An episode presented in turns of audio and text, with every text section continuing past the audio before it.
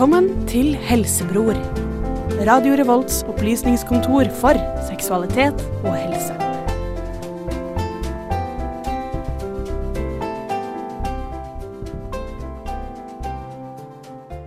Ja, velkommen til ukas Helsebror. Vi er her denne uken også, og i dag har jeg fullt studio. Alle mine helsebrødre og søstre er med meg i dag. Vi har eh, valgt å snakke om eh, noe som vi kaller for seksuell identitet. Og det blir quiz-spalte, det blir ukas sjukdom, det blir spørrespalte og masse å glede seg til. Og tror du ikke vi får høre litt på hvordan man kan bli skutt enklest mulig også? Det kommer litt etter hvert.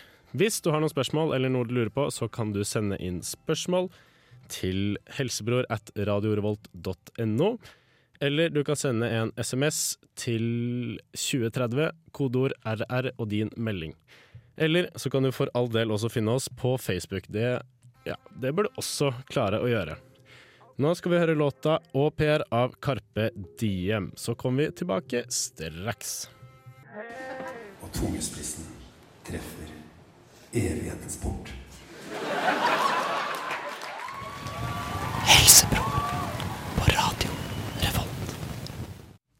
Det var au pair med Carpe Diem, eller omvendt, da. Det blir feil å si det sånn. Carpe Diem. Eh, vi er alle i studio i dag, og det syns jeg er veldig, veldig koselig. Og det har vært litt sjeldent i det siste. Mm. Det er vel første gang siden første sending, tror jeg. Det er fort det, Ja. altså. Faktisk. Det kan godt være. Det er lenge siden, iallfall. Og det er kjempedeilig å se alle disse flotte Ja. ungdommene. Nå er det så varmt og koselig her inne. ja. Nei, hva har dere gjort siden sist, da? Preben? Siden sist, Jeg har ikke gjort så mye siden sist. Jeg har bare jobba med skole. Men jeg skal jo senere i dag så skal jeg til Polen. Oi, oi, oi. Reiser du i dag? Ja, Jeg skal på studietur til Krakow i I fem natt, dager. da, eller? Ja, Jeg flyr går klokka sju, tror jeg. Ja. Kanskje Yes. vi ses på Vernestad? Jeg skal jo til Bergen i morgen tidlig. Ja. Avreise Så folk skal ut og reise. Eh, ja. Hva faen skal du da, Gjermund?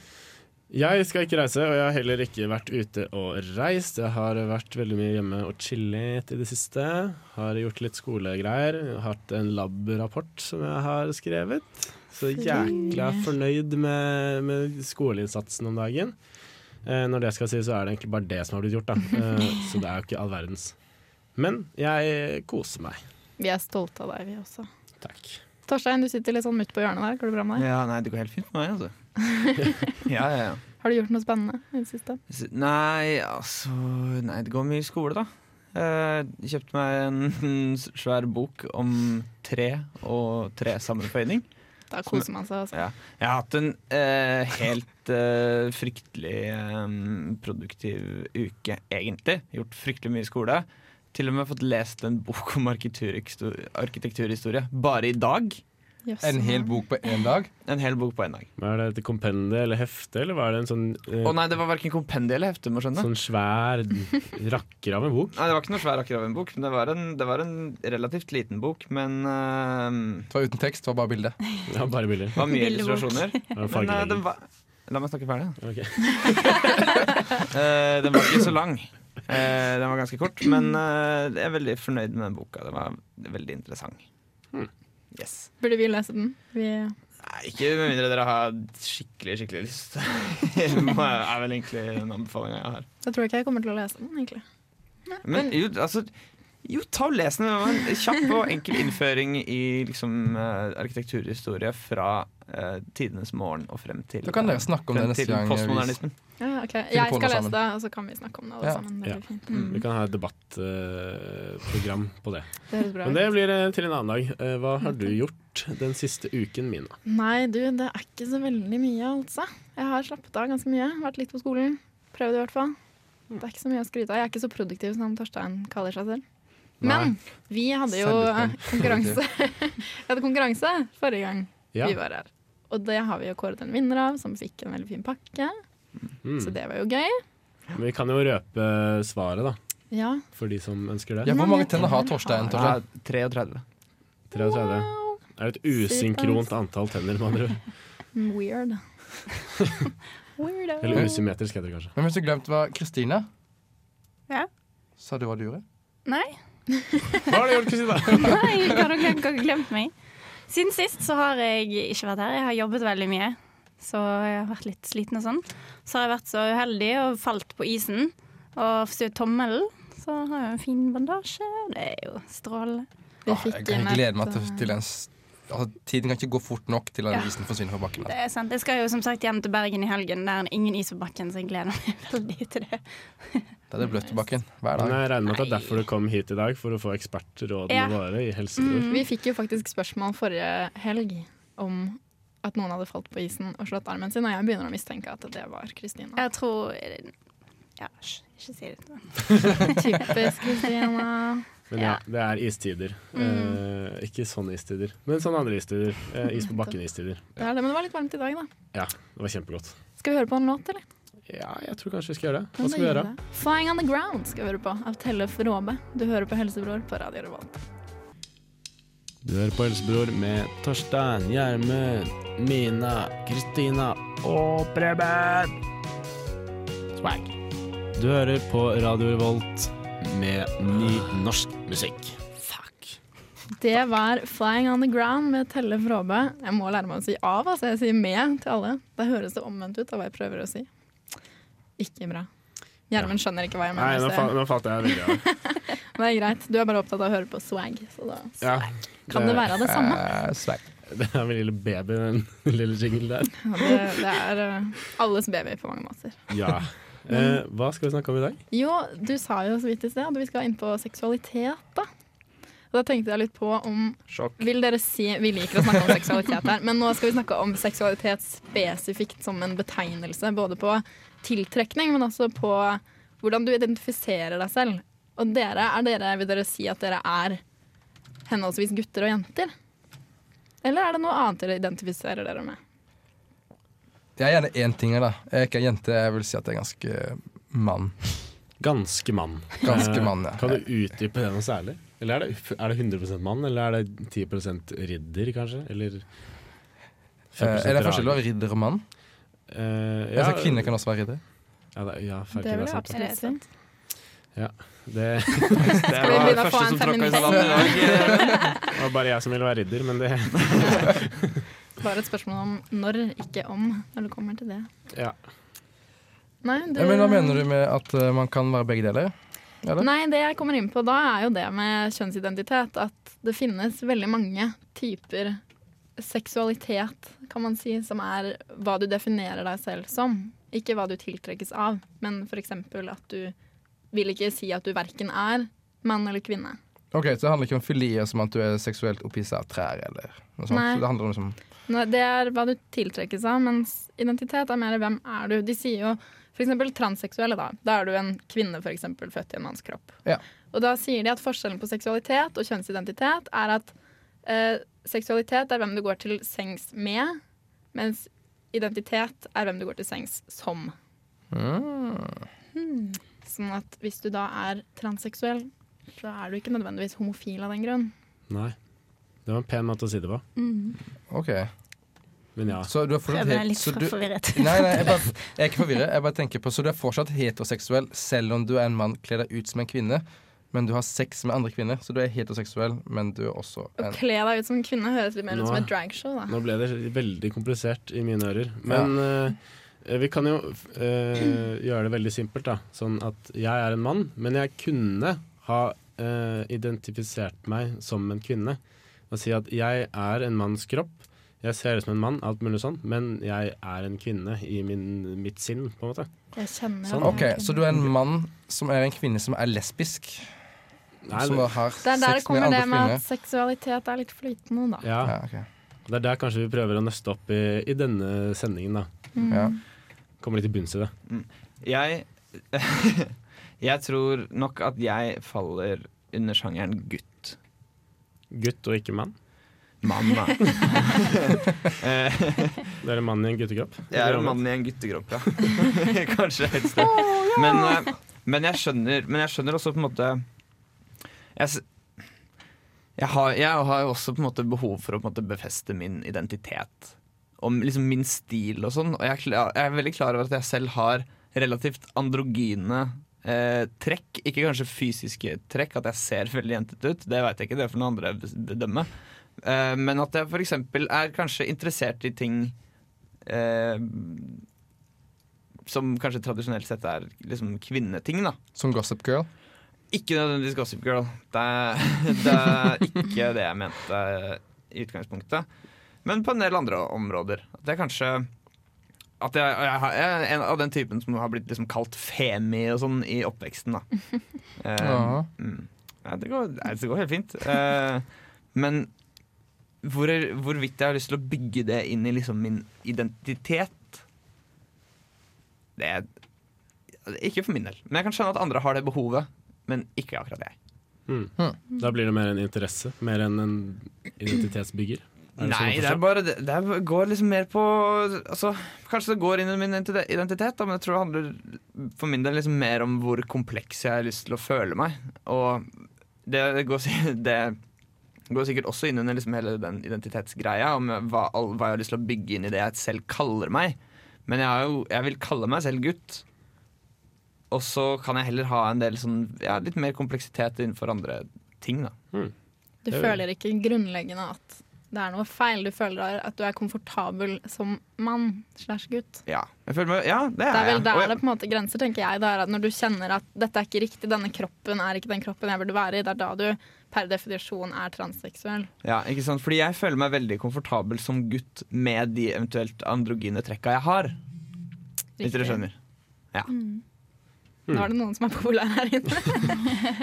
oi, oi, oi, oi. Jeg vet, ja, Samme det. Det var bare meg. Noen sier jo det at de er så eh, selvsikre med sin egen manndom at de også kan liksom utforske eller være litt feminine uten at det går utover sin egen, uh, sitt eget ego. Mannsego. Ja, men det er veldig stor forskjell på mannsego og din mann Identitet.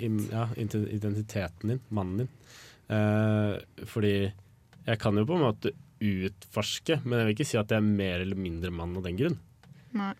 Så det går litt på hvor åpen du er for å liksom åpne dører for noe annet, mer enn det går for hvem du selv er, da.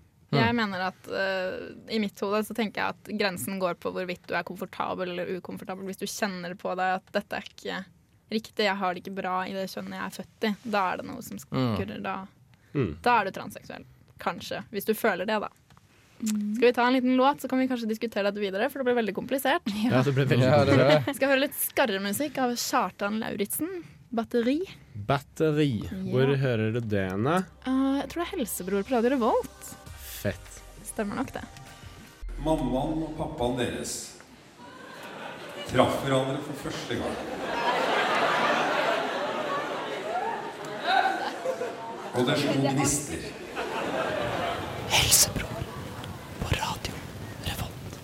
Velkommen tilbake til Helsebror. Vi hørte nettopp 'Batteri' av Kjartan Salvesen, som jeg later som at jeg kan nå. Uh, vi driver og prater om seksualitet, og spesielt nå Var det Kjartan Salvesen? Sa jeg det nå? Det var ikke Kjartan. Salvesen, ass! Comeback. Uh, La Lauritzen. Lauritzen, uh, Eh, jeg ble så opptatt med rappen. Eh, ja, jeg klarer aldri å si artistnavn. Jeg skal jobbe med saken. Vi snakker i hvert fall om seksualitet, og vi snakket om kjønnsidentitet. Og vi ble ganske forvirret selv, og det er det mange andre som er òg, som opplever kriser med sin egen kjønnsidentitet. Og jeg snakket litt i sted om min favorittperson om dagen, som er Caitlyn Jenner. Mm. Tidligere kjent som Bruce Jenner het hun før. Og for alle, som, alle de gutter der ute som har blitt tvunget til, av kjæresten å se på uh, av uh, keeping, up, keeping Up with Kardashians. Det er ikke bare kjærester som tvinger til å se på det, skal jeg si det. Nei. Det er et moderne fenomen å tvinge folk til å se The Kardashians. Det er et utrolig populært program. Jeg ble positivt overrasket da jeg begynte å se på det. Jeg Ja. skal innrømme det. Ja, Men hva er det da med denne Caitlyn, eller Bruce Jenner? Hva det er med han. Ja, Hun. Eller hun, som Eller hun hun, nå heter. Nei, det er jo det at hun eh, i en alder jeg tror det var 65 bestemte seg for å bli kvinne til slutt. Og det syns jeg er skikkelig trist. Jeg syns skikkelig synd på henne. For tenk deg å gå i 65 år og ikke kunne leve ut som den du egentlig er. Det syns jeg er ganske tøft. Men er det sånn at han, eller hun da, Katelyn, har gått 65 år og visst at Eller så sett at, seg selv som at jeg er egentlig kvinne? Hun har visst det det- hele livet. Mm. Å ja, ok. Siden Ja, hun var barn. Hun Så- pleide å kle seg ut i mammas klær når foreldrene var borte. Er det noen av dere som har uh, snubla over TV-programmet Transparent? Eller Ja. Transparent. Det er et Nei. skikkelig bra program. Ja, jeg har, dess- jeg, har, eh, jeg har bare sett eh, pilotepisoden. Um, men jeg syns det var veldig bra. Hvor går det den Utrolig fenga. eh, Er det på TV2 eller noe? Nei, hva var det for noe? Jeg har sett på det online. Ja. Ja, Du Online. finner det jo online. Jeg vet ikke hvilke streamingtjenester som tilbyr det, men det er i hvert fall Er det Kanal Digital sin? Eller Get, eller noe sånt? Det er noe av det greiene Det er en av de har det. Eh, men det er klart, det er, ikke- er jo ikke alle som har det, så det fins jo der ute på internett et eller annet sted. Skal ikke vi oppfordre til piratkopiering, men Men hva handler det om? det handler om nettopp en ca. 65 år gammel fyr som, et, som bestemmer seg for å komme ut som transseksuell. Eh, og liksom hvordan det da påvirker deres familie. Eller hans familie. Eller hennes familie. Hens familie. Ja, så det kan jo være en kinkig posisjon å finne seg selv i når man er oppe i 60-årene. Uh, ja, det virka veldig kinkig, men han var veldig stolt av det. da Det, men det er vel ikke bare vanskelig for han eller hen, men også for barna. Ja. For, For, for eksempel Mange sønner identifiserer seg selv med faren, og så plutselig er faren blitt eh, kvinne. da At det kan være vanskelig å akseptere. Ja, du ser jo på Kardashian, for eksempel, så sier de De omtaler Caitlyn Jenner som henne, hun, men de sier fremdeles pappa. Fordi han er jo fremdeles, eller hun er jo fremdeles deres far.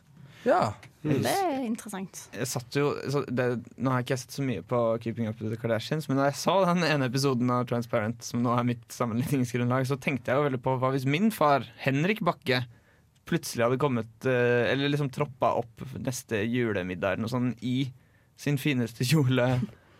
Ehm, liksom Hvordan vår familie hadde tatt det. da Det kunne vært et morsomt sosialt eksperiment neste, nå i påska, Torstein. Ja. Ja, ja, det. Det blir jo ja, det blir i så fall jeg som gjør det. Men det blir noe helt annet igjen. Nei, du kan bare spørre.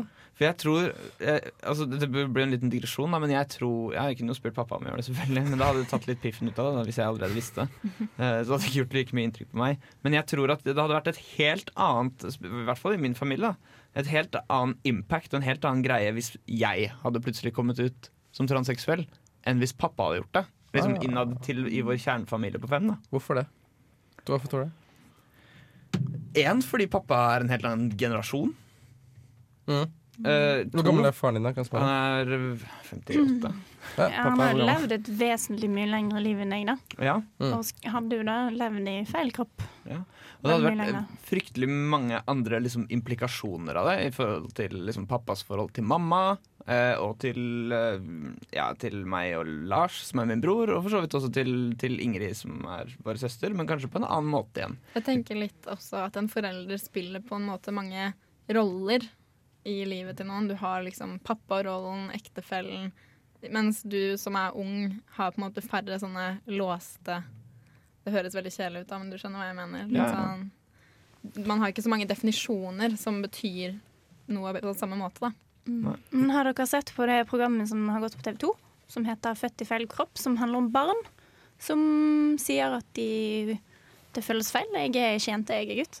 Det er et utrolig fint program.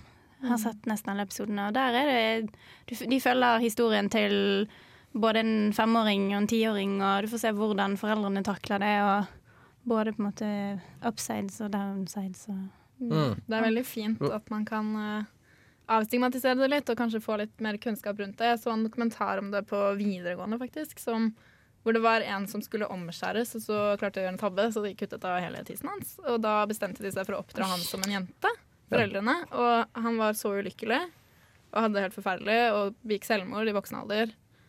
Eh, fordi han gikk jo tilbake til å være gutt etter hvert som han ble eldre, da. Oi. Men eh, det var så fælt å bli oppdratt som jente når han egentlig var født gutt. Så det sier litt om at kjønn er en reell ting, da. ikke bare Mm. miljø. Men jeg har et, jeg har et scenario. Eh, vi snakker om at eh, hvis faren din, Torstein, skulle bli uh, transe en Mm. dag Men hva hvis La oss si mange foreldre skiller seg jo, eller dessverre, i det norske samfunnet. Men hva hvis grunnlaget var at faren din kom ut av skapet som homofil? Ja, Hvordan skulle man ha reagert på det? Det blir jo litt annet, da, men uh, Ja, riktig.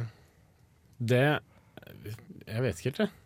Jeg tror det hadde, det hadde jo kanskje ikke oppløst familien i samme grad som et samlivsbrudd hadde gjort.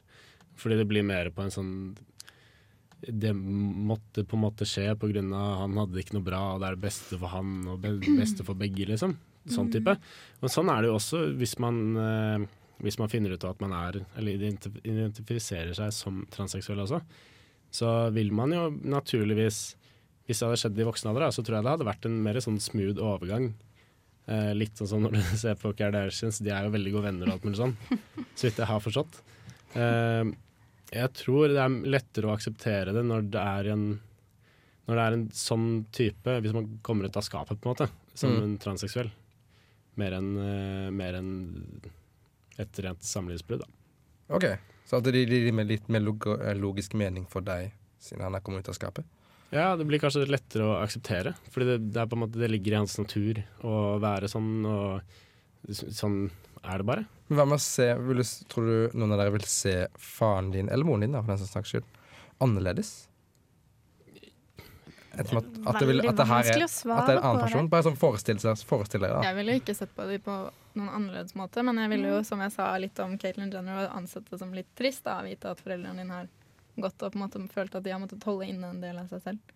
Mm. Det, det hadde vært, jeg hadde sett annerledes på dem på den måten, men hvem du er, har ingenting med hvem du elsker å gjøre. på en måte. Nei. Det var skikkelig kliste sagt, men det er fakta. Det er Men jeg likte, jeg likte det du sa. Og nå skal vi gjøre en låt. Det skal vi gjøre. Vi skal høre 'They Were Wrong', og det var jo litt passende tittel nesten. Av The Dogs. Du hører på Helsebror på Radio Revolt.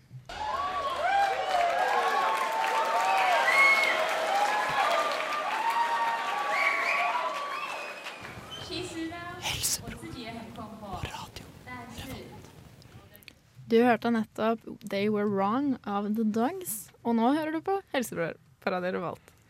Og vi snakker om seksualitet, og har nettopp snakket litt om kjønnsidentitet og transseksualitet. Men det finnes mange andre merkelige identiteter også, som ikke nødvendigvis handler bare om hva du føler deg for altså, Noen vil ikke være noe kjønn engang. Og noen Nei. vil f.eks. være katter, kanskje. Ja. Otherkin heter det. Altså, grunnen til at vi tar det opp, er jo pga. den saken eh, i media eh, om denne unge kvinnen som eh, sto frem som katt. Nano. Eh, Nano. Katten Nano. Eh, som er egentlig en jente, men hun var fast bestemt på, og katt, det var hun. Hun eh, pratet norsk. Katt var hun. No pun intended. Eh, nei, uh, denne kvinnen var en katt. Uh, for å si det på den måten. Ja. Eh, ja. Hun er strengt tatt Dette er jo ganske nylig. Ja, jeg synes det er vanskelig å skjønne. Jeg, jeg klarer ikke å ta det seriøst. Eh, jeg tar det som et eneste stort PR-stunt. Men jeg, jeg ser at det er muligheter for det. Men Ja, ja. jeg er enig i det. Jeg har veldig vanskeligheter for å forstå For å forstå det, rett og slett. ja Fordi at det går an. ja, jeg klarer ikke helt å se på det som Du kan på en måte ikke sammenligne det med det å være transseksuell. Da. Fordi For meg så virker det som at når du faktisk føler deg som en annen rase, så må det jo kanskje være litt en psykisk feil, istedenfor at det har med seksualitet å gjøre, eller kjønn å gjøre. Ja, for uh, Fordi i den eh, dokumentaren jeg snakket om som, eh, med han som var født som gutt og ble oppdratt som kvinne, så hadde de bevis på at i hjernen til menn og kvinner så er det en liten forskjell, og at den hjerneforskjellen var så påvist hos uh, transseksuelle. da. Sånn at du, du har på en måte en kvinnelig hjerne i en Jeg vet jo ikke, dette var en gammel dokumentar, Men da, men de mente det. Kvinnen har noe i det. Ja, og det er det jeg skulle si, var at der har du på en måte en fysisk forklaring på en eventuell transseksualitet, f.eks. Men du kan ikke forklare fysisk hvorfor hun mener at hun er katt. Hun har jo ikke Hun sa jo selv at hun kunne høre bedre og se i natt. Mm. Og Det reagerte jeg også på. Det at du kunne høre bedre enn alle andre. hun og at hun hadde liksom der instinktet på å uh, lage Mhm. kattelyden til hundene som gikk forbi. Det synes jeg var synes det, jeg, jeg det, det var litt streit for meg. Og så var det den forklaringen på hva som har hendt. Hvorfor er hun katt? Ja. Og det var den her genfeilen som hadde skjedd under fødselen. Ja, det, det virket litt søkt. Eh, også Ja. dette her at hun hadde bedre syn, bedre hørsel, eh, naturlig instinkt mot å være redd for hunder og sånn. Det beklager å si det, Nano, men selv hvor manipulerte dine gener kan være, så tror jeg ikke det går an å få kattegener på den måten. I hvert fall ikke den dagen. Kanskje om tusen år. Kanskje om tusen år. Nå skal jeg være, det være sånn at vi skal være så slemme mot nano, men jeg kan ikke bare akseptere å sammenligne de med transseksuelle, eksempel. Jeg kan ikke sammenligne de to at det er en, som at det er en eh, kvinne født i en mannskropp. På samme måte som at det er en kvinne født Nei, det er en, En katt og Først- en kvinne. ja, riktig. jeg kan ikke sammenligne de to tingene med at de skal liksom stå parallelt sammen. da Nei, Det kan jeg ikke akseptere. nei men uh, problemstillingen blir den samme. At man identifiserer seg som noe annet. Ja, det men er jo det på en eh, måte bunnen er i det. Men noen ting virker litt mer absurd. Ja, akkurat som det her at det virker som litt, sånn, litt håning. Kan du på en måte se noe, dra den litt langt, men Akkurat som for eksempel med religion, at eh, du har kristendom på en side, og så har du The Flying Spaghetti Monster på den andre siden. Bare for, bare for å sette ting parallellere med hverandre. Forstår du hva jeg mener? Ja, Ja. Det er litt det samme. Uh, ikke helt, kanskje. Nei, nei, jeg tok den litt langt. Men stretch. Hva med du, Torstein? Har du noen tanker om det? Om nano? Ja. Det var, jeg syns det var en veldig spennende debatt, hele den om nano. Og om det på en måte var greit av NRK eh, å sende det, og om eh, nano på en måte burde beskyttes fra seg sjæl. Og da kommer du Det, det er en litt sånn lei debatt, fordi da kom, toucher du inn på en del veldig vanskelige temaer rundt spesielt det med liksom selvsensur. da Og sensur av andre og sånn, fordi det er ikke Det er ikke, det er jo ikke det er ikke veldig tydelig i den videoen at den er laget for å på en måte henge henne ut. Hun blir ikke satt på liksom, spesielt liksom på, på stedet, da, eller tatt på senga liksom, med noen spørsmål. Så jeg syns Jeg syns det var fair. Uh, hun må jo bare få lov til å være katt. Det, ja, for all del. og det er, altså, det er jo ikke på utgangspunktet ikke vår oppgave å stille spørsmålstegn ved at hun tror at det skjedde en genfeil ved fødselen. Vi kan selvfølgelig si at nei, det var sannsynligvis ikke det som skjedde, og jeg tror ikke på at det skjedde. Um, men altså, folk tror jo alt mulig rart, da. Og vi godtar jo det. Vi godtar jo veldig mange andre ting som er like lite sannsynlig da, fra et vitenskapelig perspektiv. Um, men det er klart hun gjør jo litt vanskelig for seg sjæl ved å gå rundt og være katt. Ja. Ja. Men hun er veldig modig. Vil jeg Jeg synes det er kult Det er veldig at modig står at hun står fram. Tør å være seg selv. Ja. Ja. Eh, Forbilde der, altså. Og det er akkurat det det er, da. Det du sa. Tør å være seg selv. Og det er jo strengt tatt det hun er. Ja. Bare at det er vanskelig for omverdenen å forstå at hun er en katt. Men det er nok en debatt til en annen gang, tror jeg. Ja. En egen kattedebatt i fremtiden. Ja, jeg lurer på det. Får, eh, Men ja. sånn, når vi snakker om seksuell identitet, så skulle det nok vært interessant å snakke med Nano om det. ja, hvordan hun gjør det. Mm. Kanskje hun er tiltrukket av hunder. For jeg tror det er jo tam, tam, tam. Det er en twist. Det er en plot, det er en plot twist. Det er Det er, det er plot twist. På Det ble litt for voldsomt. Fordi altså, det er jo Jeg tror jo at det er det som er spørsmålet på alles lepper. Ja. Jeg har prøvd å gruble på det sjæl. Puler hun hunder? Nei, hunder tror jeg Hun har jo dette naturlige instinktet av at hun ikke er eh, Eller at hun er Hun redd. hveser litt Ja, hunder. hun, ja, sånn hveselyder mot hunder, de er farlige, ikke sant? Men om hun da tiltrukkes av andre katter eller andre mennesker, eller mennesker med eh, katteidentitet Oi. Fordi Det er en egen verden, her. de finnes fins jo. Eh, jeg Mhm. skjønner ikke helt hvordan det skal foregå. Eh, ja, det var meg. Nei, du får gjøre litt privat research. da. Mm. Møte noen, dra på date. Ja, det kan jeg gjøre. Jeg kan sjekke Tinder. Er interessert i katter. Lag en egen Eh, app som kun er for de som har otherkin. Eller som er otherkin. Ja, det kan jeg få app- app-lageren min til å fikse. For. Er neste gang! I mellomtiden så kan Hjelmen lete på Tinder. Og mens han gjør det, så kan vi høre på en låt. Det kan vi gjøre. Ja, da Hva skal vi høre Reaper av Sia. Den er ganske kul. Du hører på Helsebror på Radio Revolt. Du hører på Radio Revolt med ny norsk musikk her på din tappemaskin eller på. Det var Sia med Reaper. Du hører på Helsebror, som Gjermund så fint sa. Vi eh, driver og snakker om seksualitet. Før vi går videre med det, så kan vi minne folk på å sende inn spørsmål til spørrespalten vår. De kan du enten sende inn til oss på Facebook-siden vår, Helsebror på Face, eller på mail helsebror at radiorevolt.no med alle spørsmålene du måtte ha. Eller på SMS. Det koster fem kroner, da. Men det er det verdt. Og de kan sende det med kodeord RR pluss meldingen din til 2030. Vi har snakket ganske mye om identitet i forhold til seksualitet, men en annen viktig del av seksualitet er jo hvem du tiltrekkes av. Og Der er det også veldig mange forskjellige definisjoner. En hel haug. En hel haug. Eh, Bokstavelig talt. Ja, absolutt. Bokstavelig talt. Eh, ja. Skal vi begynne ved, ved første vei, som er eh, kanskje det letteste å prate om, som er homofili? Eller iallfall det som er eh, det som ligger eh, mennesket nærest.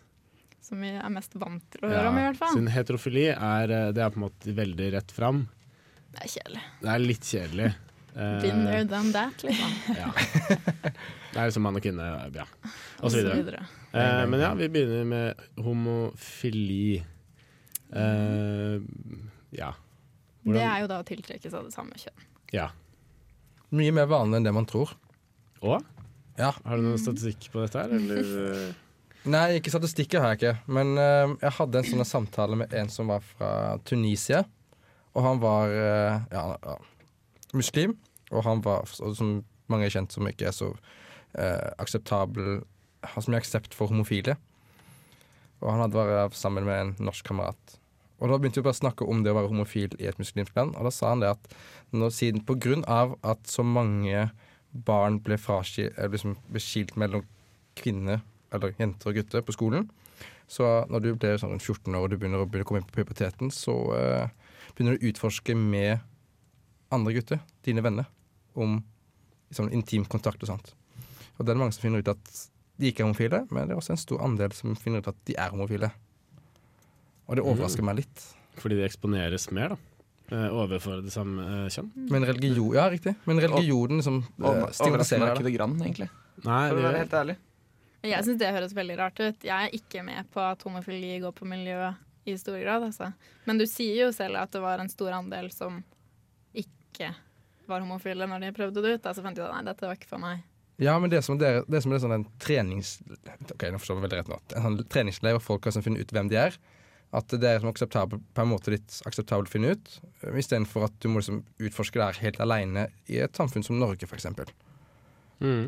Hvor du er blanda gutter og jenter. For da skjønner du sånn Men hvordan var aksepten med, med det voksne liv, holdt jeg på å si? Når, eh, når man da finner ut at man er homofil? Ja, for det spurte jeg om. Hvordan, Ja. hvordan praktiserer dere det her, da? Hvis dere gjør noen sånne spesielle ting på gata, så blir det jo settes veldig stygt på. Og sa han at så lenge du gjør ting bak lukkede dører, så har folk mye aksept for det. altså. Jeg syns det er så trist, altså. Når skal folk eh, bli drite i hva alle andre gjør, og bare tenke på seg sjøl? Folk er jo egoistiske ellers, da. Men eh, jeg syns det er så Ja, hvorfor bryr du deg? Og det som jeg syns var morsomt, eh, for jeg fortalte også min periode når jeg jobba i Egypt, og da er det vanlig at eh, menn leier hverandre, enten med at de holder finger, lillefinger og lillefinger, eller rett og slett at den ene mannen tar liksom tak rundt albuen på den andre.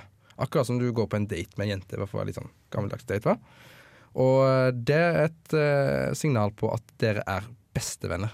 Så nærme som brødre. Og det skal ikke ha noen ting sammenheng med at uh, de er homofile, for det var veldig fy-fy å si sånt. Yes. Der har man den norske modellen igjen. da At Hvis man ser to menn som holder hender på gaten, så antar man jo ved første øyekast at de er et homofilt par. Ja, Det var det jeg også sa til han lokalgreien jeg prata Så med. merkelig. Så merkelig. Kulturkrasj, ja. Hmm.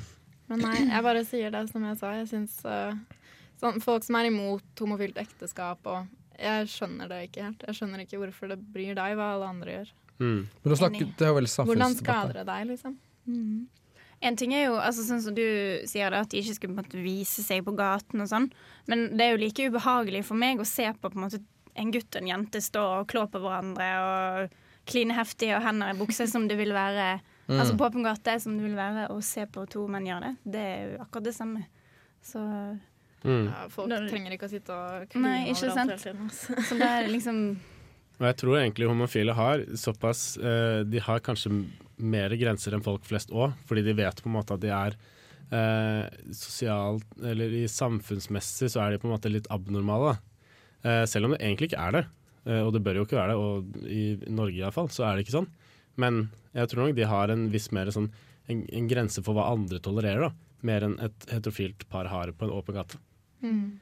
Ja, for det er det som blir da, at det er, Jeg er enig i at eh, jeg har ikke noe behov for å se folk drive og kline og ha hendene nedi buksa på hverandre på bussen. Men jeg synes det er synd da hvis to menn føler at de ikke kan holde hverandre i hendene når de går hjem fra byen på kvelden, i frykt for å bli banka opp eller skjelt ut. Ja, det er trist. det, jeg skjønner det bare ikke, altså. For meg Men det skjer, dessverre. Det gjør det. Men homofili kan jo snakke kjempelenge. Hadde du noe mer enn homofili? eller? Det er mye sært og flytende, da. Ja. Du har det er, det er så en ting som er demiseksuell, det er at du må ha veldig sterke følelser for noen for å kunne ha et seksuelt forhold til. Det er jo forstått ikke så sært, da. Men uh, det er en egen term, da. Er det uavhengig av uh, kjønn, eller? Mm. Okay. Men det er jo Det tror jeg er ganske utbredt. Det er mange som hvis- ikke har lyst til å ligge med hvem Så som helst det helst. scenarioet da, at jeg og Gjermund vi ble sabla gode venner. Og så uh, tenker jeg åh, jeg, er så, jeg begynner å få et sterkt forhold til han, og derfor så vil jeg være Nei, det er mer som at Hvis jeg og du var på date, så hadde ikke jeg hatt sex med deg før jeg følte veldig sterke følelser for deg. Og, så det er jo Ah. ganske normalt, egentlig. Ja, Jeg tror det er normalt. Det er bare det, et, eh, et term på et normalt fenomen. Ok. det er jo ikke så usunt, det, egentlig. da Nei, det er jo å foretrekke, antageligvis. Ja, de, Man bruker jo da tiden til å bli kjent med, med personen. Mer og trenger vi å få opp fødselsraten i Norge, så jeg vet ikke. Ja, det er, Jeg tror ikke vi burde oppfordre folk til å ikke, ikke, ikke bli kjent før de hopper til sengs, altså. Men, eh, Jeg trekker tilbake den kampanjen. Du vil helst ikke lage barn med folk du ikke kjenner heller. Så.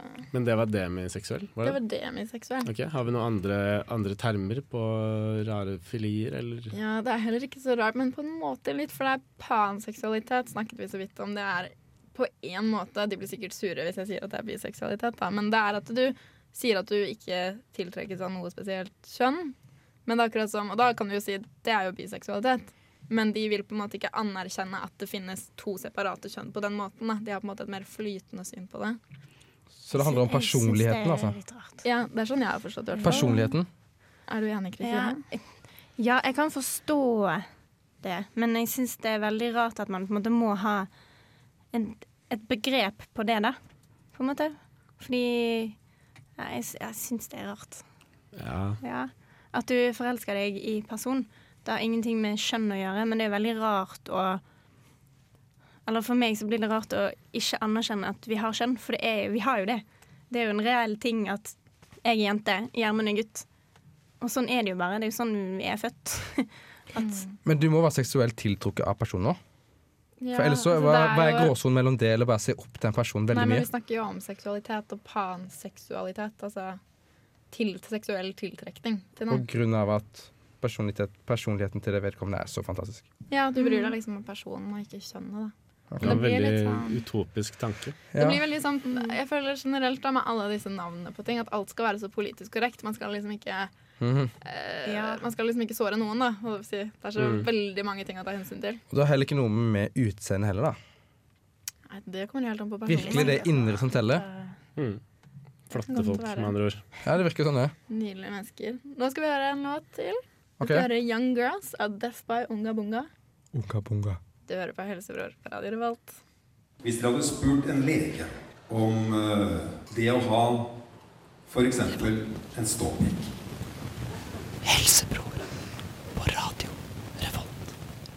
Du hørte nettopp Death by Ungabunga' med Young Girls. Du hører på Helsebror, og vi snakker om seksualitet i dag. I alle dens former det kommer. Og det er mye, og det er litt forvirrende og veldig spennende, Mm. vil jeg si. Mest forvirrende. Det er Eh, veldig forvirrende, egentlig. ja, men også spennende. Fordi det er mye, mye der ute. Det er det. Eh, mer enn jeg kan fatte, egentlig. Skulle vi ha snakket om alle typene, så hadde vi brukt en uke, tror jeg.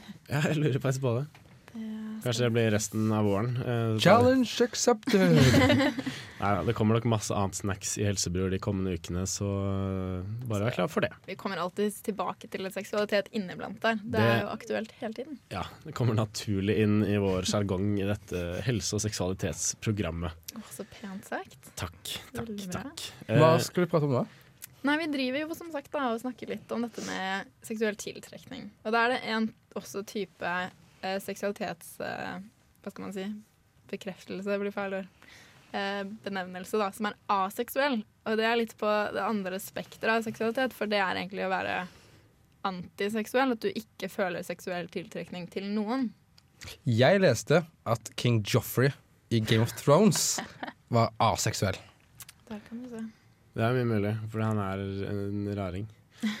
Men ja, ikke det at det er. Ikke, ikke det at det er det unisont for aseksuelle. Eh, det er eh, en del som er aseksuelle, så vidt jeg har skjønt. Ja. Og det er eh, forferdelig synd, sett fra mitt ståsted. Sikkert eh, delt i panelet også. Du går gå glipp av noe, mener du?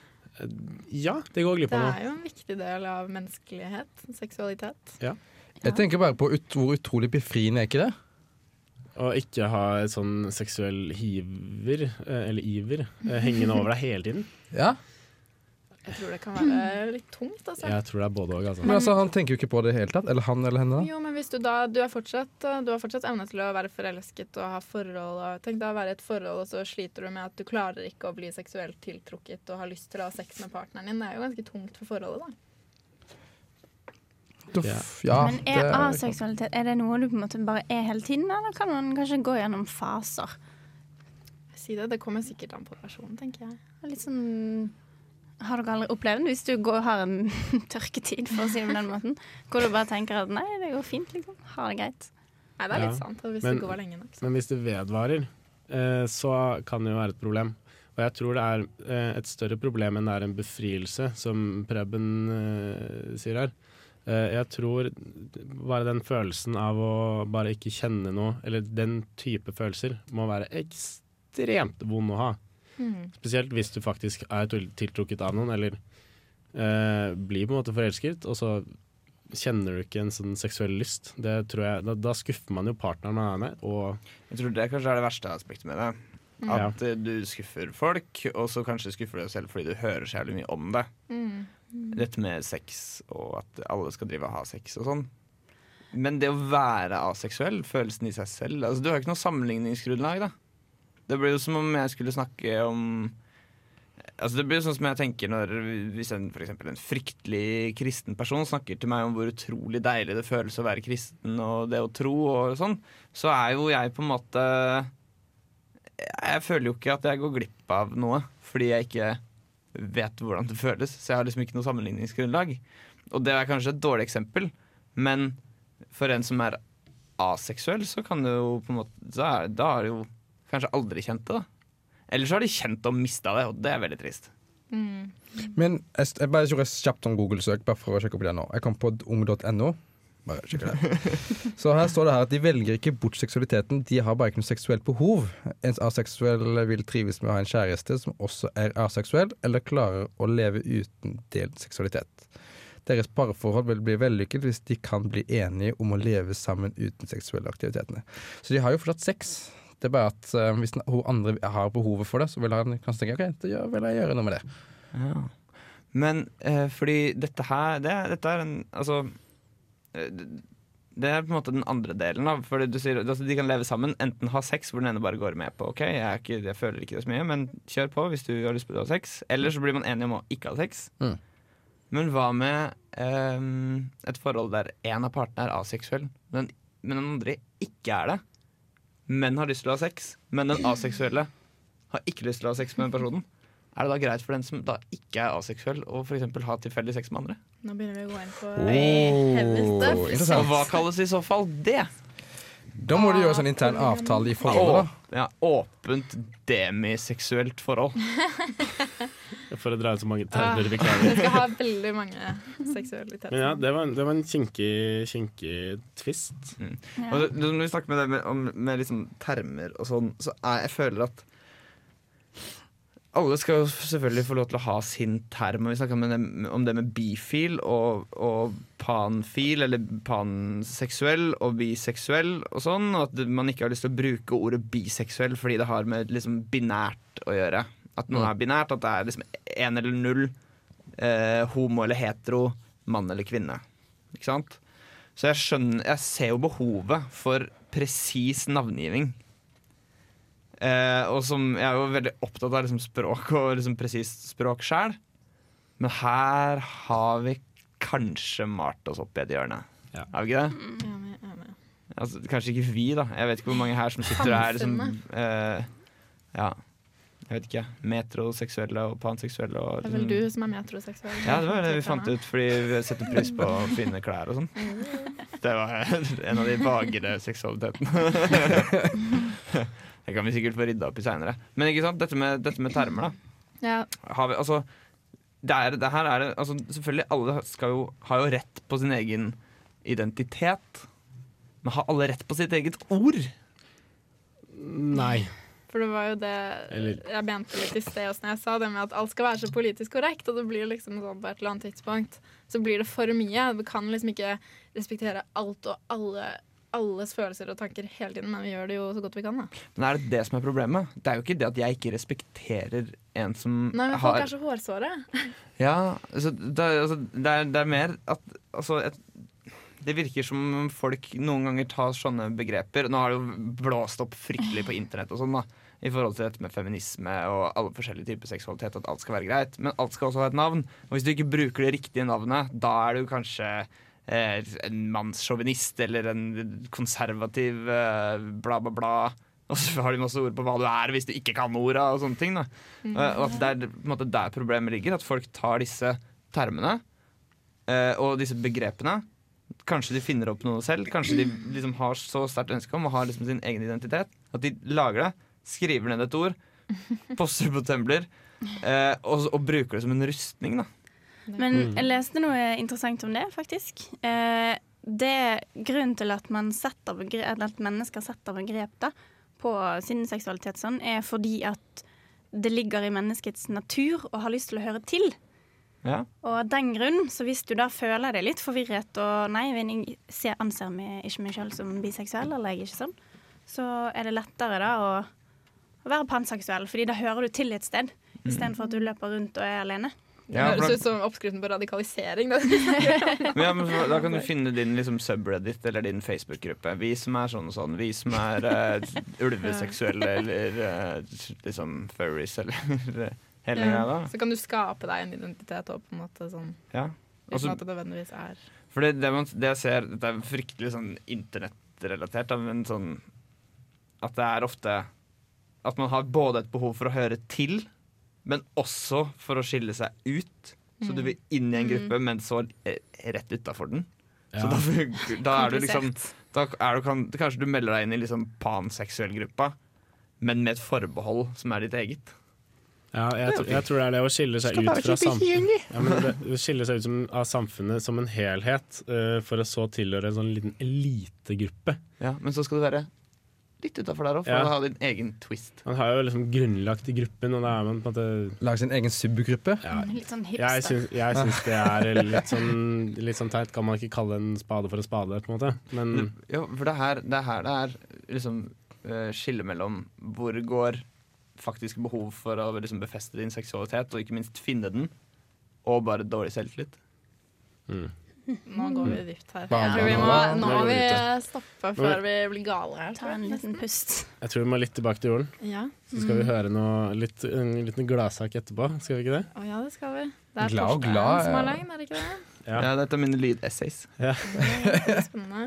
Litt om litt skyting og sånt. Ja, det er altså stiller, stiller det betimelige spørsmålet. Hvis du skal bli skutt, hvor vil du helst bli skutt? Og før vi får svar på det, skal vi høre en låt, og den heter 'Tryllefløyten'. Og hvem er det som synger den, Torstein? Fjorden baby. Yeah. Fjorden, baby. Dårligste bergensdialekt. OK, Yes. skal vi kjøre den i gang? Gjør det. Du hører på Helsebror på Radio Revolt. Yes, det var litt av en låt. Velkommen tilbake til Helsebror her på Radio Revolt. Nei da, jeg bare kødder. Dette er bare en jingle. Vi høres igjen etter dette. Vi har sett nok film til å vite at et skuddsår, med mindre det er gjennom hodet, er mer eller mindre for et myggestikk å regne. Det er jo ingen grunn til å avbryte dine daglige heltedåder og oppgjøling av kjeltringer bare pga. en kule eller to i kroppen. Men la oss si at du en kveld blir stoppet av en gjeng lyssky typer, og de finner fram en pistol. Du har vel ingenting å frykte? Du tar en kule eller to, du? Nei. Det å bli skutt er fryktelig komplisert og kan få fatale følger. Men hvordan skal du oppføre deg for å ha størst mulig sjanse for å overleve? La meg foregripe begivenhetens gang her og røpe svaret med en gang. Det handler selvfølgelig om hvor du blir skutt, og hva du blir skutt med. Når vi snakker om hva du blir skutt med, snakker vi naturligvis om våpen og kuler. Skytevåpen deler vi inn i korte våpen, lange våpen og tyngre våpen. Pistolen er et kort håndvåpen, og den kan holdes i én hånd. Den skyter i hovedsak små kuler, og er fortrinnsvis det du har lyst til å bli skutt med.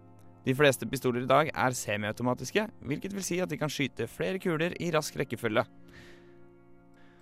Maskinpistolen er et automatisk skytevåpen som avfyrer pistolammunisjon.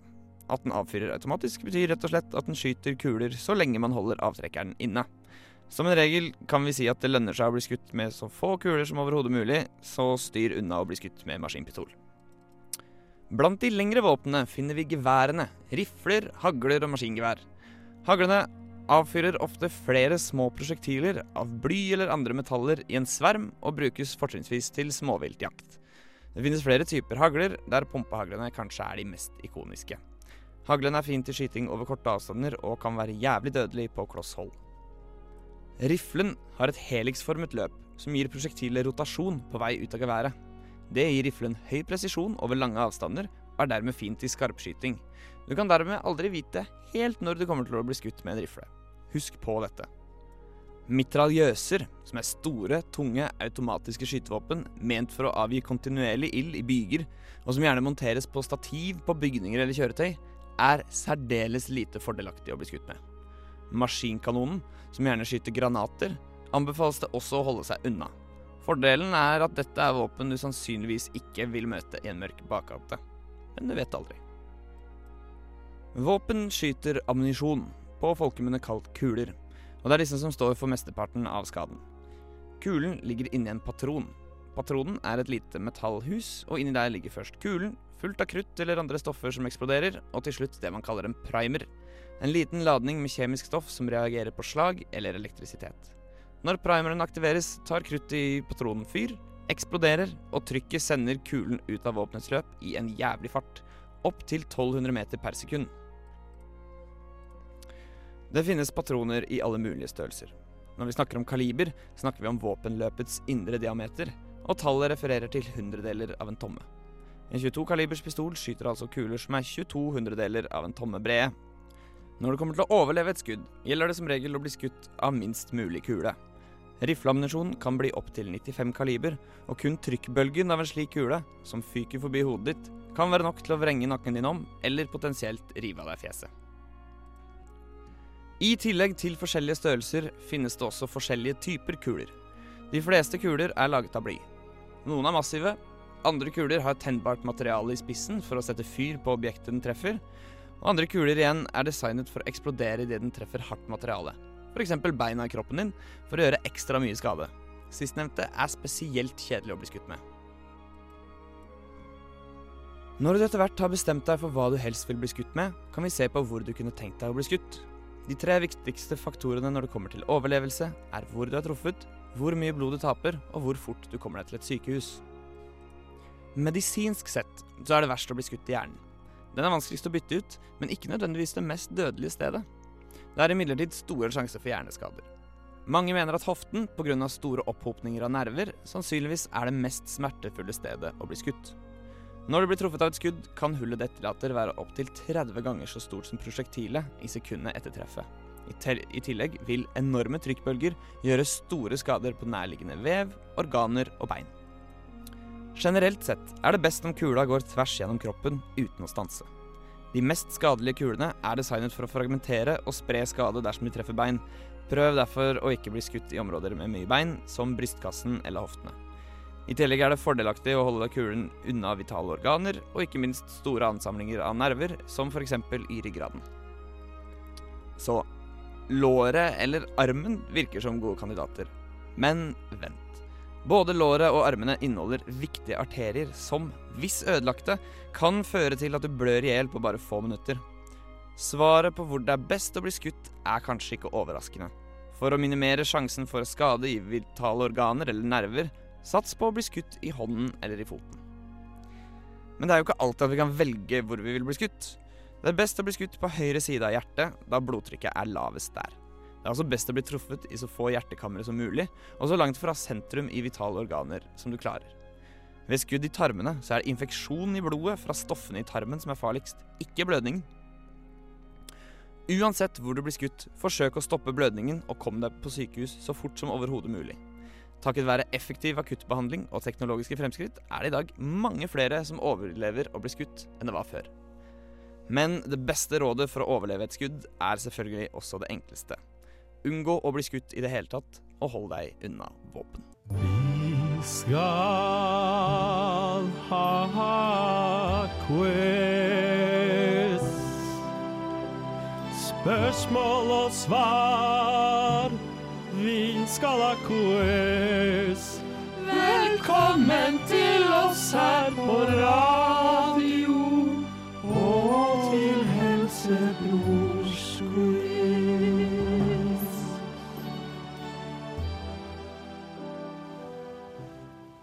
Velkommen tilbake til Helsebror på Radio Revolt. Du hørte Feeling Fine med Hoops. Og før det hørte du Secrets av Great News. Og kule sanger begge to. I tillegg så har vi hørt en fin lydsak som Torstein har laget. Og for de som nettopp har skrudd på, kanskje du kan gi en liten oppdatering? Hva Ja. det handlet om, Torstein? Ja, altså Det var jo et, et slags lydessay som jeg har begynt å lage. Em, med, som da stiller spørsmålet hvor er det best å bli skutt hvis du først skal bli skutt? Eller hvis du har bestemt deg for å prøve å bli skutt. Uh, viser at svaret på det er um, du bør helst bli skutt i hånda eller foten. Lengst fra vitale organer, og det er veldig få liksom, hovedpulsårer og sånne ting, så er, du risikerer ikke å blø ut. Men du risikerer å ende opp eh, uten hånd eller fot. Ja. Eller bare ikke bli skutt, da. Ja, det er liksom det beste rådet. Kjipt å bli skutt. Men når det kommer til råd og slikt Nå har jeg forberedt en quiz til dere. Og I dag er det fire deltakere, så nå er det åpent for at alle kan vinne. Uh, sist uke så vant jo Mina overlegent, Yeah! så da får vi håpe at det endrer seg. Ja, jeg vil bare si at Dersom jeg taper quizen, så gidder jeg ikke være med på resten av sendinga. Det er, ja, ja. Det er ditt valg. Men nå kommer iallfall spørsmål nummer én. Jeg skal ha ett svar fra hver. Eh, jeg styrer poengene, så jeg styrer også hvorvidt svaret deres er bra nok. Så dere kan få et halvt poeng også. Mm, mm. Dette er så spennende. Det kan avgjøre alt. Ok, Det første går på prosentandel. Cirka hvor mange prosent av befolkningen har ikke visdomstenner? Hvor mye tenner skal vi snakke om på det programmet? Ja. Maken. Um, 20% av befolkningen, sier jeg. Torstein sier 20 Mm, one upper, da. Tar 30. Mina sier 30 Gjelder det alle, eller er bare én? Nei, det er alle. Alle visdomstennene? Å ja, 15. 15. Ok. Jeg vil si 50% 50? Ja, Vil du høre hvorfor? Uh, ja. Fordi det er veldig mange som ikke har fått visdomstenner. Så det er veldig mange som har trukket visdomstenner. Mm, det er et spørsmål det er med. Ja. Eh, vi har en vinner eh, som får ett poeng fordi det er særs nærme. Og det er 35% av befolkningen. Så Mina stikker av med det første poenget i denne ukens quiz. Ikke overraskende, dessverre. deilig. Ok, så eh, til et litt unødvendig og rart organ. Hva er det vomeronasale organet? Eller hva er det hvor noe Ja, det er vanskelig å uttale, som dere ser, og derfor Vomeronosale? Vomeronosale. Det var noe sånn. Mm. Altså, det, hvor det vomeronasale organet ligger? Hvor ligger det, og hvilken, eh, hva har det å si? Jeg føler at du og Mine har laget det spørsmålet sammen. Ja. Alt går liksom til Mine Har en fordel, Nei, jeg Jeg har aldri hørt dette ordet før. Nei. Eh, Det Bull. Er det noen som vil svare først? Det er blindtarmen. Det er i nesa. Blindtarmen. Torstein sier nesa. Hvor ligger Ja, blindtarmen ligger der blindtarmen ligger. Eh, ok, nesa. Hvilken effekt har det? Eller hva Eh. gjør det oss? Godt eller vondt? Det filtrerer smuss ut av nesa vår. Ok, Det sier du. Ja, Blindtarmen, hva, hvilken effekt har det? Ingenting. Ingenting? Ok, det kan jeg leve med. spørsmål Jeg sier ørene, og dere, det får ut dårlige lyder ut av øret. Ah, det er dagens beste svar. Ekstra Ekstrapoeng for det. Stjerne i boken. i hvert fall. Ja, Mina. Nei, jeg tenker også det er noe med nesen. da. Jeg velger å si sånn overgang mellom nese og gane. Ok, Hva har det å si for oss? Det, ja, det blir litt innpå det Torstein sa. Det liksom Kvitte deg med snørr. og- Filtrerer du dårlig lukt, Du- kan jo du si, da. Ja, det må jeg si. Men nei, jeg tenker eh, snørr. Ja. ned i uh, magen. Eh, OK. Mina og Torstein er begge på rett spor. Eh, vi skal til nesa. Eh, nærmere sagt fremre del av nesa. Eh, dette er da et organ som utsonder fermoner. Som er kjemiske signaler som inneholder informasjon om bl.a. kjønn og fruktbarhetsstatus. Det er helt meningsløst hos mennesket, så jeg gir dere et halvt poeng hver. Ja, jeg var eh, nærmere fremre del av nesa, for hun sa bak i ganen. Ja, hun sa bak i ganen. OK, da får du et kvart poeng. Eh, dette er med skrivende Ja. Yes. Det er et kvart poeng til Mina, et halvt poeng til Torstein. Og dere har null poeng. Får ikke du poeng for det min gode kreative hvit kreative svar? Eh, da ville jeg informert om det på starten av quizen. eh, ja. OK. Eh, og så til en liten fun fact. Hva skjer når man får gåsehud? Um, Må jeg se på huden min her og tenke litt. Hva som skjer? Altså huden eh, Jeg sier huden trekker seg sammen. Huden trekker seg sammen. Ok. Ja, for det må jo være det er når du blir kald, og da er det jo på en måte blodårene dine trekker seg jo lenger inn og blir, trekker seg sammen. Jeg vet ikke hvorfor huden skal okay. Det blir mindre blod... Gjennomblødning. OK, det sier Mina. Det var. Blodårene krymper, eller noe sånt. Ja, de gjør jo det når du blir kald, i hvert fall. OK, Preben, har du et godt svar på dette? Eh, blodårene trekker seg sammen og går eh, inn mot organene og hodet.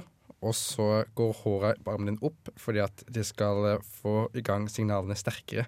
Så man føler man blir skvette og blir redd, så, kommer, så skal man sånn ta imot informasjon mye fortere. Sånn overlevelsesinstinkt. Ja, OK. ok, ja. Wow, kanskje toppe det der. Eh, man får jo også gåsehud sånn hvis du hører, en, hører noen som er veldig flink til å synge. En sånn. Så ja. Nei, jeg svarer litt for å sette pris på musikk. Setter pris på musikk. ja. Ok. Uh, det er like rett å svare det, for jeg kan ikke gi spørsmål til noen av dere. Det var litt for vagt. Uh, men dere er jo på riktig sted. Det er på huden, uh, merkelig nok. Eh, det er altså musklene rundt hårsekkene som trekker seg sammen.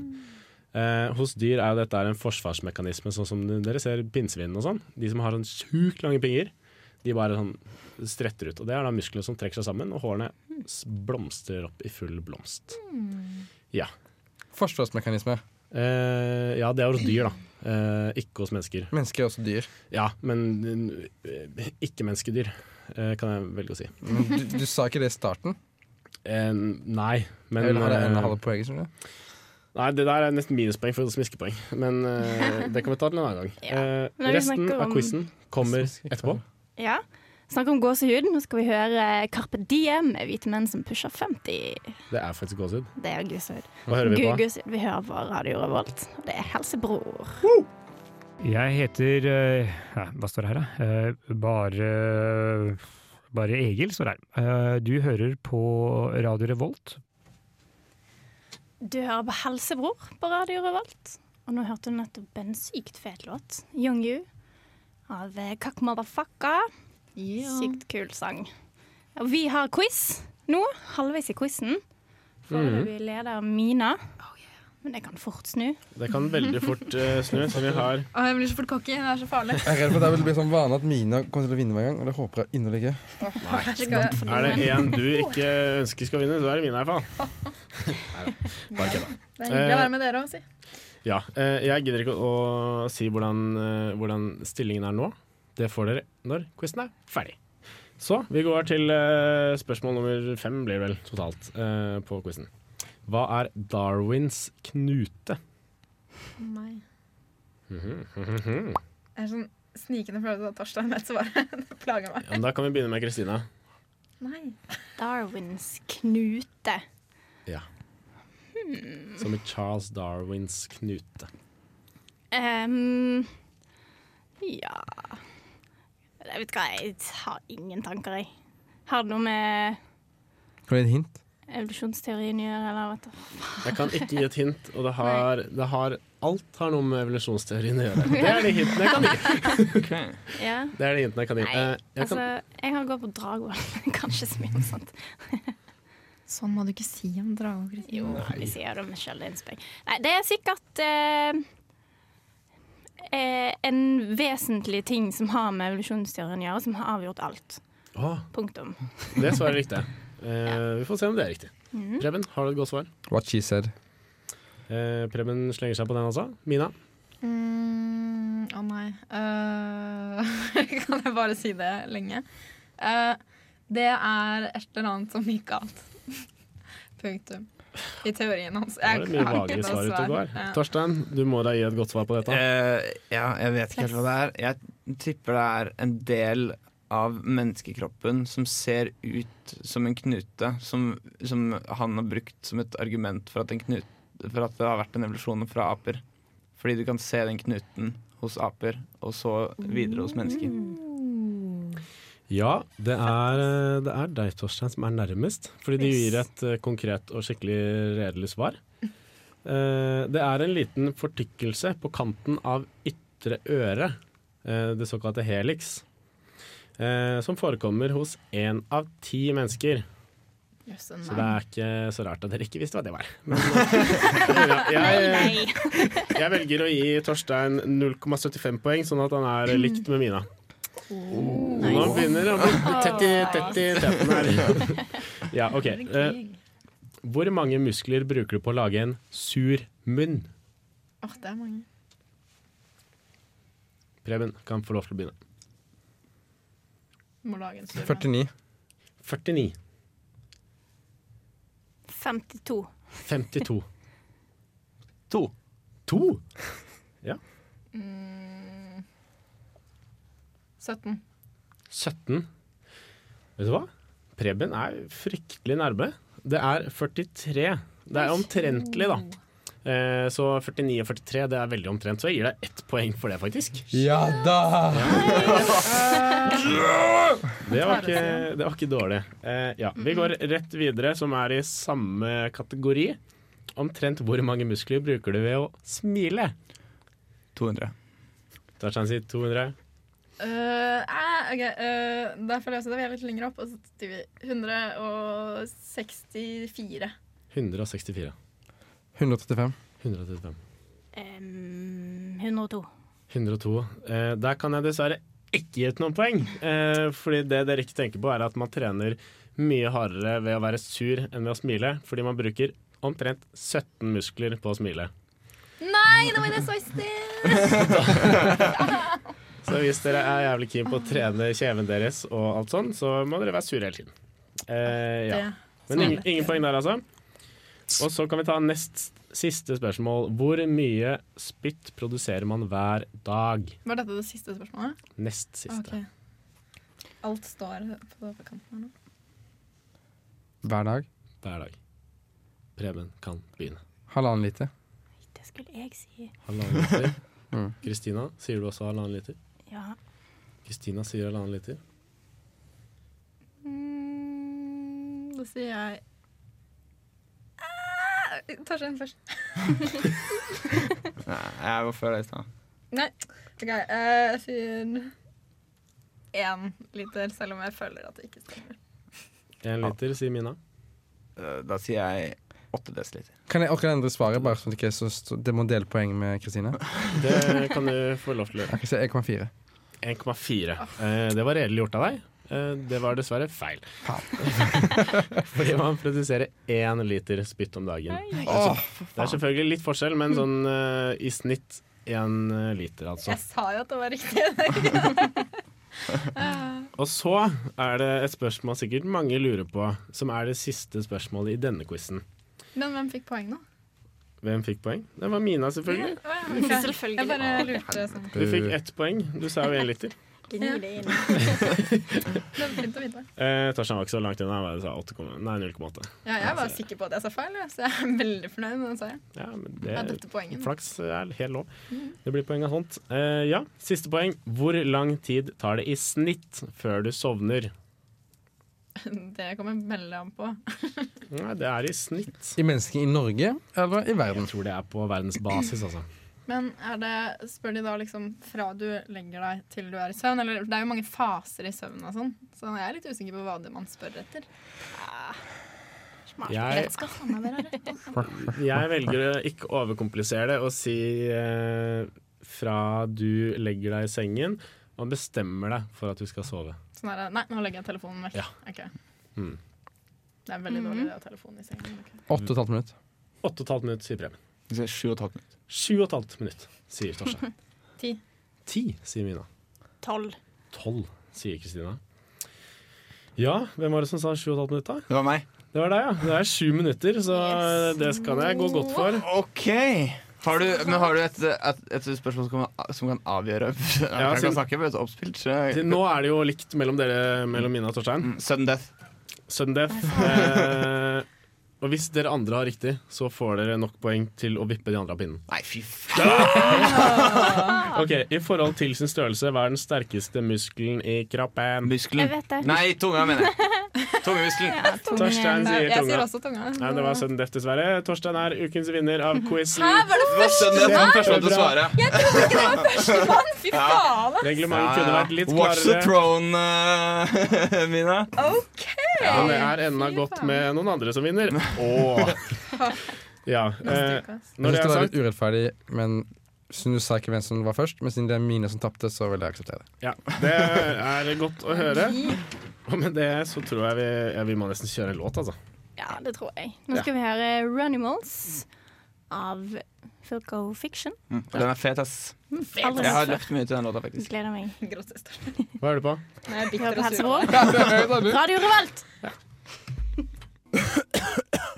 Klør og svir og Det er jo rett. Kom, eller, eller på en måte når jeg vrir på den Lukter sånn rart noe jeg spiste Det er bare når jeg ler. Eller bare når jeg puster. Jeg vet ikke. Jeg driver klør. En slags dyr. Hoster. Svir. Eller på en måte svir, eller sånn kvalm.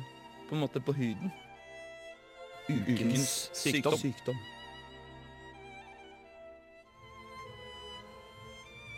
Ja, ukens sykdom, det skal vi ha nå. Nå hørte du nettopp på Runimals av Filco Fiction. Du hører på Helsebror, Radio Revolt. Nå skal vi ha ukens sykdom, Mina. Hva skal vi snakke om i dag? Nei, Vi tenkte vi kunne snakke om noe som ble nevnt under quizen. Mm, at du er en dårlig taper. er det det som er din sykdom? så da kan vi bare la være å ha ukens sykdom, da, så drar jeg hjem. Så ses vi kanskje aldri igjen. Det er greit. Nei, det er blindtarmsbetennelse, da. Vi skulle snakke om Torstein. Same, same. Du er en dårlig vinner, da, så vi skal snakke om dårlige ting. Det er mye annet som er betent her, merker jeg. Ja, det, må. det er ganske smertefullt, så kanskje jeg håper at du får Men, det. men kjære dere to, kan vi ta dette etterpå? Jeg har gjerne lyst til å lære om Dette blir fysisk etterpå. Skal jeg si det. Ja, blindtarmbetennelse. Har noen av dere hatt det, eller? Nei. Jeg har ikke hatt det. Det Hva er er det, jo hva er det ganske for vanlig, egentlig. Det er utrolig nok ikke i blindtarmen. Det er noe som heter blindtarmsvedhenge. Som er liksom en liten pose på enden av blindtarmen. Oi. Jeg trodde at det var det som var blindtarmen. Den liksom tupp, tuppen. Den heter blindtarmsvedhenge, eller Oi. appendix. For vi trenger vel egentlig ikke den. Vi trenger, vi trenger ikke Det er litt diskutert. Det de lurer på nå, en teori, er at det har vært eh, på en måte, det er en bakterieflora der som er nyttig for tarmen din. Som slippes ut ved sykdom og sånn. Ok. Eh, og det er at du får betennelse i det vedhenget, og da får du betennelse i hele veggen, og den fylles med puss. Og så vil du få vondt først litt sånn diffust i magen, og så etter hvert flytter det seg nedover mot høyre side. Litt nedenfor navlen. Da drar du gjerne til legevakten, Da drar du til de- legevakten punktum, gjør ikke det? og da vil de fjerne den før den sprekker. For hvis den sprekker, så får du da bukhinnebetennelse og kan få blodforgiftning. Og da blir du veldig dårlig.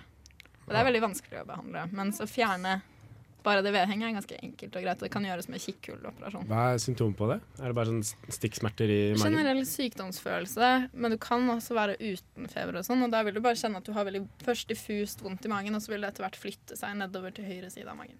Ok. Så kom deg til legen fort som få. Og Men var ikke magen din litt skeiv, Gjermund? jo, den er det. Eh, jeg tror ikke jeg har blindtarmsbetennelse. Hvilken side ligger på? Er det, er det, Høyre. det er høyre? Ok, er da har jeg ikke Det er på venstre. Dennis. Ja. Bare, jeg tror jeg har dratt eh, anekdoten om speigel før. Speigel. Om speigel. Har jeg tatt speil, har jeg tatt Speil, altså? Nei, speigel. Jeg har ikke, jeg har ikke tatt den på radio. Jeg tror vi må ta den, jeg. Jeg tror vi må ta den. Det er ok, det jo. siste vi sier. Ja, fordi det var en fyr som jeg, som jeg kjente før, som jeg var på samme hvor vi var i hvert fall på en slags ferie sammen. Uh, Der ble jeg ble kjent med en fyr som het Eigil. Uh, og da var vi mye på stranda sammen. Vi var her i flere måneder, men plutselig en dag så var det en i den gruppen som vi var i, som kommenterte. Du, eh, For han hadde operert blindtarmen, så er det sånn Du Egil, har ikke du blindtarmen på, Har ikke du blindtarmsfjernearret ditt på feil side av kroppen? Og da viste det seg at speigel er sånn én av tusen som er speilvendte. Ah, Så altså, ikke bare var han venstrehendt, alle organene hans lå Kan liksom hjertet på motsatt side også? Ja, hjertet ligger mer eller mindre i midten, da. Ja. Men, dritfett. eh, men det et, et, etter det så ble han selvfølgelig kalt speigel, for han var speilvendt. Mhm. Eh, men han var en speilvendt eh, type. Yes. Så det går an. Yes, det finnes det òg. På dere. Og med det sagt så tror jeg vi sier eh, Kjør låt. kjør låt. Eh, god påske, alle sammen. God Ja, god påske. Ja. Mm. Og ikke minst god helg. Eh, god helg også. God helg Ja. god påske. Ja. Takk for oss. Hva skal vi gjøre he- helt til slutt her? Nå skal vi høre Spin, spin, spin av Motorpsycho. Ha det bra. Mm. Ha det. Ha det bra.